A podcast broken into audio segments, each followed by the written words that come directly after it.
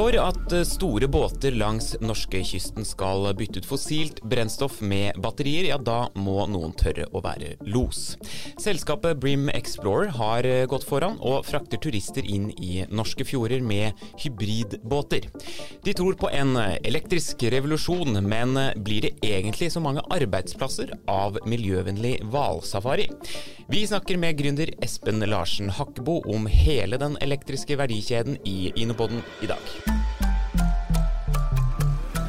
Du hører på Innopodden, og vi har eh, to spennende gjester i dag. Eh, Espen Larsen Hakkebo, altså fra Brim Explorer, og Håkon Haugli, vår administrerende direktør i Innovasjon Norge. Velkommen til dere begge.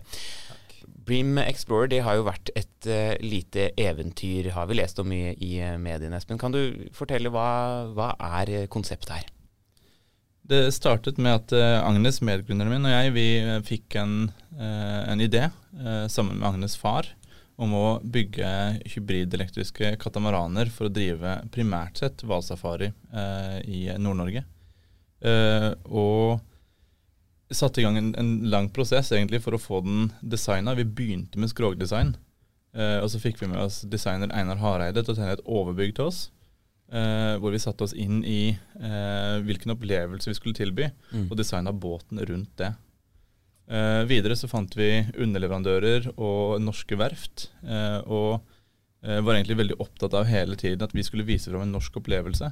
Da var det viktig for oss å bygge en båt i Norge viktig for oss å, å, bruke norske underleverandører så langt det lot seg gjøre. Da. Ja, For disse båtene de, de uh, er hybridbåter. Hva betyr egentlig det? Er det, er det liksom de går like godt til lands som til vanns, eller hva er det som Altså Hybridbegrepet er egentlig en praktisk uh, Det har en praktisk uh, virkning. Ja.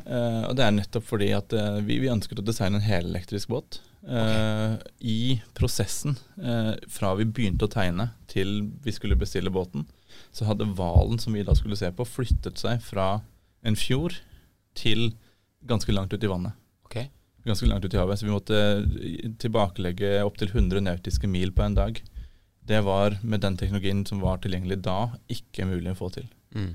Eh, derfor så ble det en ganske praktisk eh, løsning at vi måtte putte inn dieselmotorer. Ja, ikke sant? Så da går den på diesel et godt stykke, og så går den over da på elektrisitet når, eh, når dere ikke skal skremme bort hvalene og, og, lage lyd? Ja, altså det, det, som er at den funker jo ekstremt fint på ren el ja. eh, på kortere turer. Men når vi skal så langt, så må vi bruke diesel for å komme frem, og komme fort frem. Mm. Eh, så det, det, har, det, har, med fart, og det har med avstand å gjøre. Eh, og det har, det har funket utrolig godt. Eh, hensikten med el er jo tredelt. Mm. Det er jo for å minske utslippene. Det er for å bedre komfort om bord. Altså det er mindre vibrasjoner, mindre støy. Men det er også for å bedre komforten for, eller påvirkningen på naturen rundt oss. Det vi, det vi gjør når vi reiser ut til et hvalfelt for å se på hval, er at vi forstyrrer hvalen i sitt naturlige habitat. Mm. Vi ønsket da å ha en stillegående motor. Så vi har også designet eh, større propeller enn det som er normalt på, på, sånne måter, for å rett og slett kunne ha lavere turtall på, på motoren. Ja. Sånn at du lager enda mindre støy i vannet. da. Så når man sitter om bord på disse båtene, så, så, hører man egentlig ikke da, da, er det ikke noe motorstøy. Det er som å sitte i en elbil. på en måte. Du hører bare bevegelsen til fartøyet. Er det sånn å forstå? Ja, det stemmer. Ja. Um, hvis du er ute, så hører du plaskingen av vannet ja. Eh, rundt båten. Uh, og hvis du er inne i salongen, så hører du ja, Du kan høre en liten sånn girlyd. Sånn mm. uh, for vi har gir på den. da. Uh, så du kan høre et gir, og så kan du høre sånn ja, Litt som når du gir gass med en Tesla, da, så hører du en liten sånn ja. kul sånn ja, ja, En kul sånn L-lyd. Hva sier folk da som er om bord om, om, dette konseptet? For det første så er jo folk egentlig ganske eh, imponert over selve størrelsen på båten og designet av den. Mm. Eh, det er store glassflater. Det er eh, norsk design, gjennom, gjennomgående norsk design, så det er en, det er en stilig båt. eldre mennesker sier ofte at den er krisestygg. Ja. og det er helt greit. Ja. Og det, det, er også litt av tanken bak en bak en, et design er jo at det skal vekke reaksjoner, og det har vi definitivt fått til. Ja, ikke sant. Så når vi, når vi, tok den til Oslo, for vi har tatt den til Oslo nå i sommer, mm. eh, så seilte vi langs norskekysten, Eh, og da ser vi flere Facebook-grupper sånn, i hurtigbåtmiljøer og sånn. Så er det noen som tar bilde av den, legger ut og sier 'denne var vakker doning', mm. mens andre er bare den er stygg. Ja. det er jo andre bygg og ting som har blitt utsatt for lignende Ja, den, den, passer veldig godt ved siden av, ved siden av Munch-museet. Ja, ikke sant? Der, for det der, eh, med den skråflaten der. Bra så. du sa det, jo ikke jeg. Ja. Vi skal ikke åpne den debatten i dag. Men det, men det, er jo en veldig spennende satsing. Hvor er det dere uh, drar på hvalsafari nå? For nå har dere to båter, ikke sant? Ja, ja. Vi, eh, vi, fikk jo en, eh, en, andre båt nå for to uker siden. Ja. Eh, perfekt timing med koronasituasjonen. Ja. um, den bestilte vi egentlig litt på, på, som følge av et samarbeid med Hurtigruten. Uh, så Hurtigruten har bedt om å få chartre båten vår eh, i seks måneder av året på Svalbard. Det fikk vi ikke til med Brim, som var vår første båt, mm. fordi den er ikke bygget etter regelverket på Svalbard. Eh, så dermed så fikk vi eh, bygget eh, Bard, som skulle da operere på Svalbard. I år blir det litt krevende, for der er det ikke gjester. Nei. I hvert fall ikke nå. Det kommer nok der også. Men Så vi utsatte den kontrakten med et år, og så prøver vi oss på operasjonen i Lofoten med, med Bard. Ja. Håkon, mm. veldig spennende å høre om dette. da. Altså, blir det en industri av dette, tror du? Ja, det tror jeg faktisk. Vi hadde jo Leri Kalmli her i forrige Innopoden og snakket om grønne verdikjeder. Ja. Og dette er et fantastisk godt eksempel på det. Da. I tillegg så får jeg jo veldig lyst til å dra på hvalsafari. Ja. det får vi bruke en annen pod til å snakke om det. Men um, det dette handler om, er jo å utnytte Norges fortrinn. Uh, både at vi har den naturen vi har. Uh, det er jo ingen Det er mange få steder i verden man kan opp, ha den opplevelsen. Mm. Men også at vi har eh, verft som kan bygge båter. Vi har eh, elektrisitet og en høy bevissthet rundt bruken av el som, eh, som i motorer. Altså både har vi sett det med biler, men det vi ser nå er jo at det vokser frem innenfor sjøtransport med masse ulike løsninger. Norges Rederiforbund er helt globalt ledende ved å løfte frem klimavennlige løsninger for store skip, havgående skip. Og så har vi en hel industri av bedrifter som utvikler um, elektriske løsninger for småbåter. Alt fra ombygging av eksisterende båter til, til, nye båter. Så dette har jeg veldig tro på at både vil det gi en helt nødvendig fornyelse av reiselivsnæringen. Vi har jo sett eksempler på at fjorder blir helt, øh, altså helt dominert av store cruiseskip som slipper ut store, ja, mye forurensning. Og da kan man tenke seg løsninger hvor, eh, hvor man har eh, påkoblinger med eltransportbåter um, f.eks.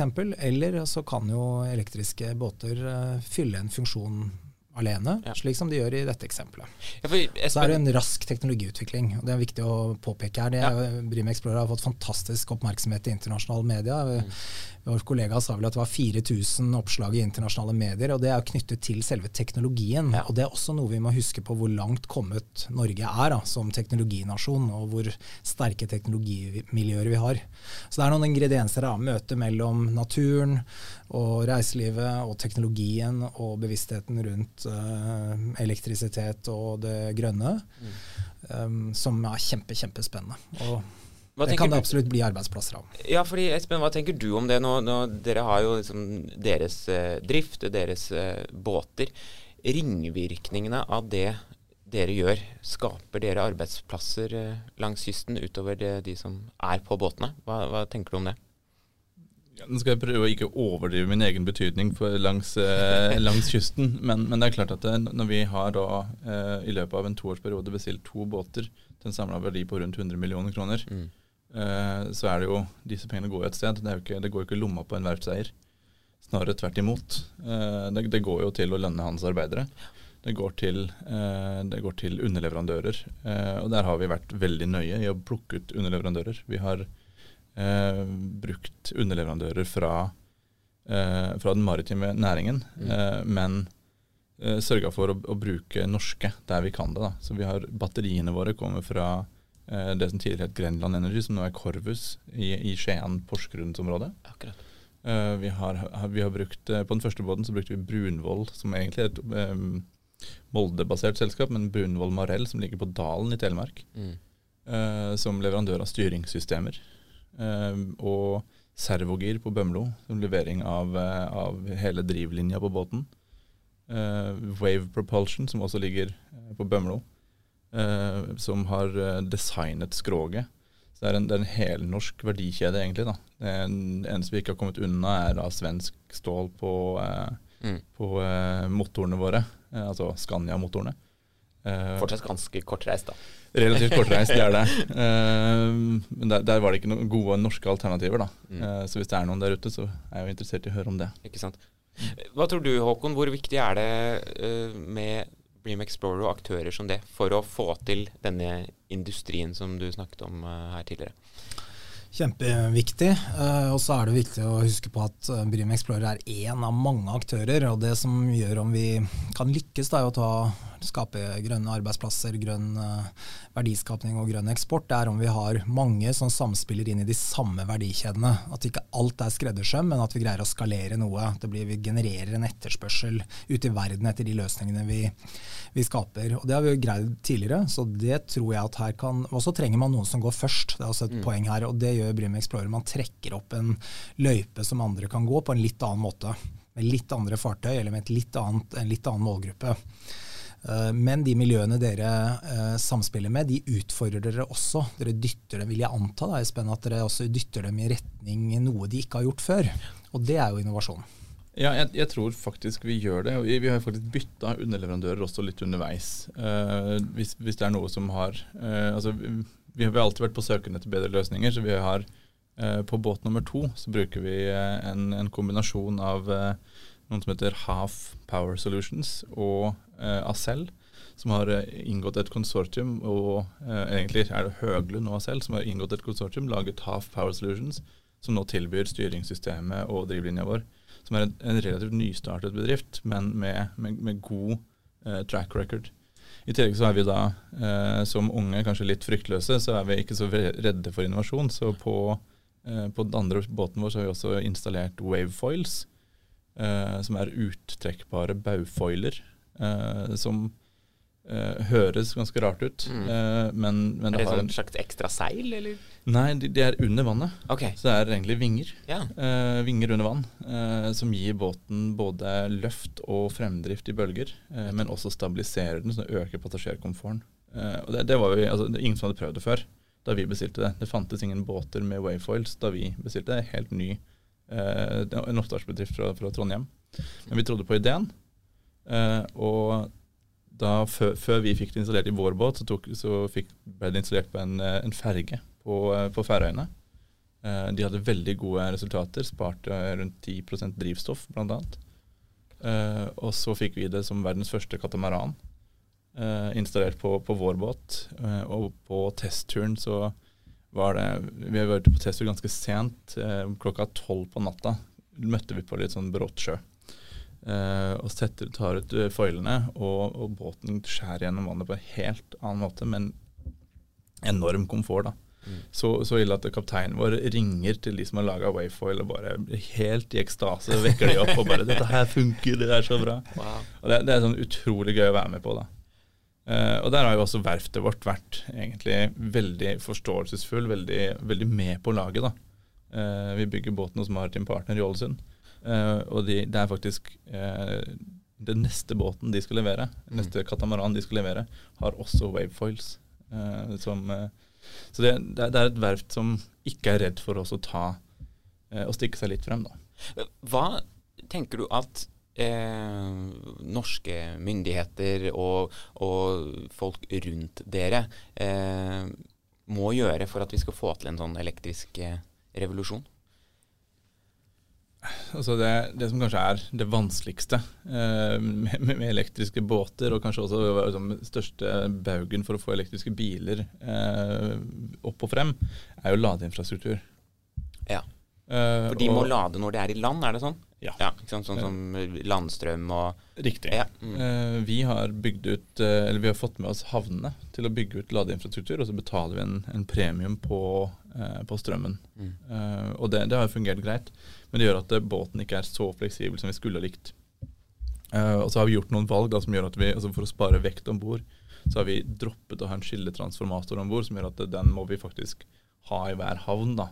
Uh, og det er fordyrende for havnene, uh, men vi sparer jo på det, uh, vi, da. Men, men mangelen på en, kanskje en standard, det er det jeg vil frem til med, med dette med skilletransformatoren, er jo at i, i, at vi ikke har noen standard på, på hvordan man lader elektriske båter, så så sitter jo vi eh, fra båt til båt og vurderer hvilken løsning som er best. og litt også i forhold til hvordan, hvilke behov vi har. Mm. Så Vi ser svakheter med den løsningen vi har på de to første båtene.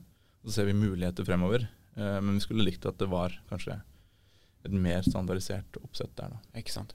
Håkon, hva, mm. hvilke muligheter kan vi åpne, tenker du på dette feltet? Ja, Godt spørsmål. Jeg tenker i hvert fall en god illustrasjon av at man må jobbe med tilbud og etterspørselstiden samtidig da, i disse verdikjedene. og Det er litt sånn tabloid sikkert, men eh, det er jo ingen som bygger en ladestasjon for uh, havgående eh, fartøy på en kai hvis mm. ikke det er noe etterspørsel etter den. Og vice versa. er ingen som kan ta sjansen på elektrisk, eh, en elektrisk båt hvis det ikke er noen lademuligheter. Og Der er det jo noen av de programmene vi har, da, sånn som Pilot E, da, som er et en rigg vi har sammen med Forskningsrådet og Enova, den er god, et godt verktøy for å kunne jobbe med begge sider samtidig i en sånn verdikjede, sånn at man løfter hele verdikjeden. Det er noe av det vi kan gjøre. Men jeg tror kanskje enda viktigere er jo å legge til rette for at uh, folk som har gode ideer, da, sånn som uh, Espen og Agnes har hatt, uh, får muligheter til å realisere ideene gjennom at vi kan risikoavlaste med, med, lån og tilskuddsmidler. Og der er det jo sånn, Nå kommer jo regjeringen med nå i slutten av mai en ny pakke hvor hele målet er å utvikle grønn, grønn, grønt næringsliv mm. i Norge. Og der har jo vi en viktig rolle nettopp som Eh, risikoavlaster da, eller, eh, og sparrer med bedriftene på hvordan kan de identifisere muligheter. Og så er det en annen viktig ting vi kan gjøre, og det handler om eksport. Akkurat nå i korona er jo krevende med reising, men vi vet jo at Norge er avhengig av eh, eksport, og vi vet at vi har løsninger som er eksporterbare. og Det vil jeg anta deres løsning òg vil være.